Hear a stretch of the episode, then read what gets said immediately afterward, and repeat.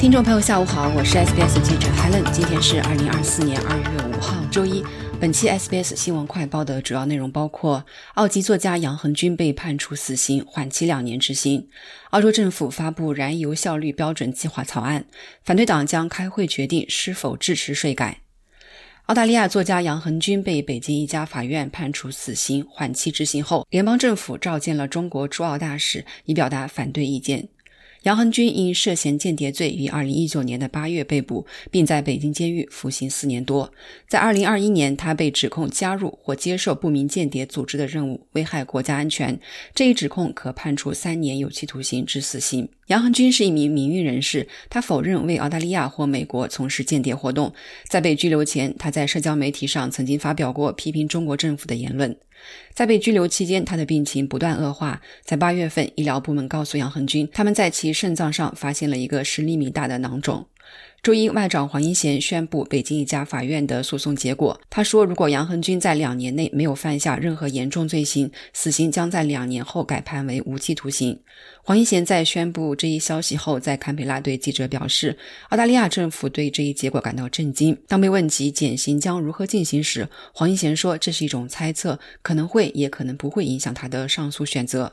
黄英贤说，政府将召见中国驻澳大使，表达对判决结果的反对意见。但他补充说，澳大利亚不会召回其驻华大使。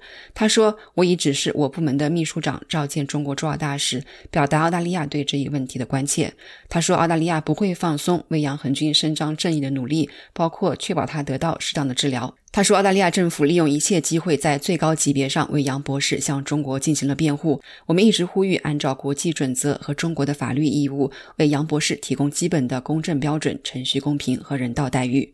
他还说，我们将继续为杨博士及其家人提供临时协助。所有澳洲人都希望看到杨博士与家人团聚。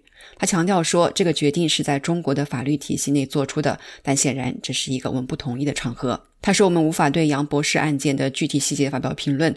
我想指出的是，澳大利亚官员未能出席2021年对杨博士的审判。”联邦政府发布了燃油效率标准计划草案，旨在未来五年内将新乘用车的总排放量减少百分之六十。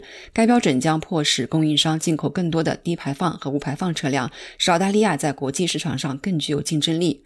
交通部长凯瑟琳金表示，这是指澳大利亚与美国等其他国家保持一致的努力的一部分。澳大利亚是世界上仅有的几个没有效率标准的发达经济体之一。这些标准迫使汽车供应商必须达到所售新车的平均排放标准。随着议员们返回堪培拉为今年的第一个会议日做准备，有关第三阶段减税的辩论继续占据议程的主要位置。影子内阁会于今天下午召开会议，决定是否支持工党提出的税改方案。该方案将把更多的减税计划重新分配给中低收入者。改革的前景尚不明朗。反对党称，对莫里森时期方案的修改违背了选民的信任。但国库部长吉姆·查莫斯表示，联盟党已经掌握了做出决定所需的细节。好了，感谢收听本期的 SBS 新闻快报，我是记者 Helen。欢迎您在苹果播客或 Spotify 搜索“新闻快报”，点击订阅，开启消息提醒，即可了解澳洲国内外新闻及社区信息。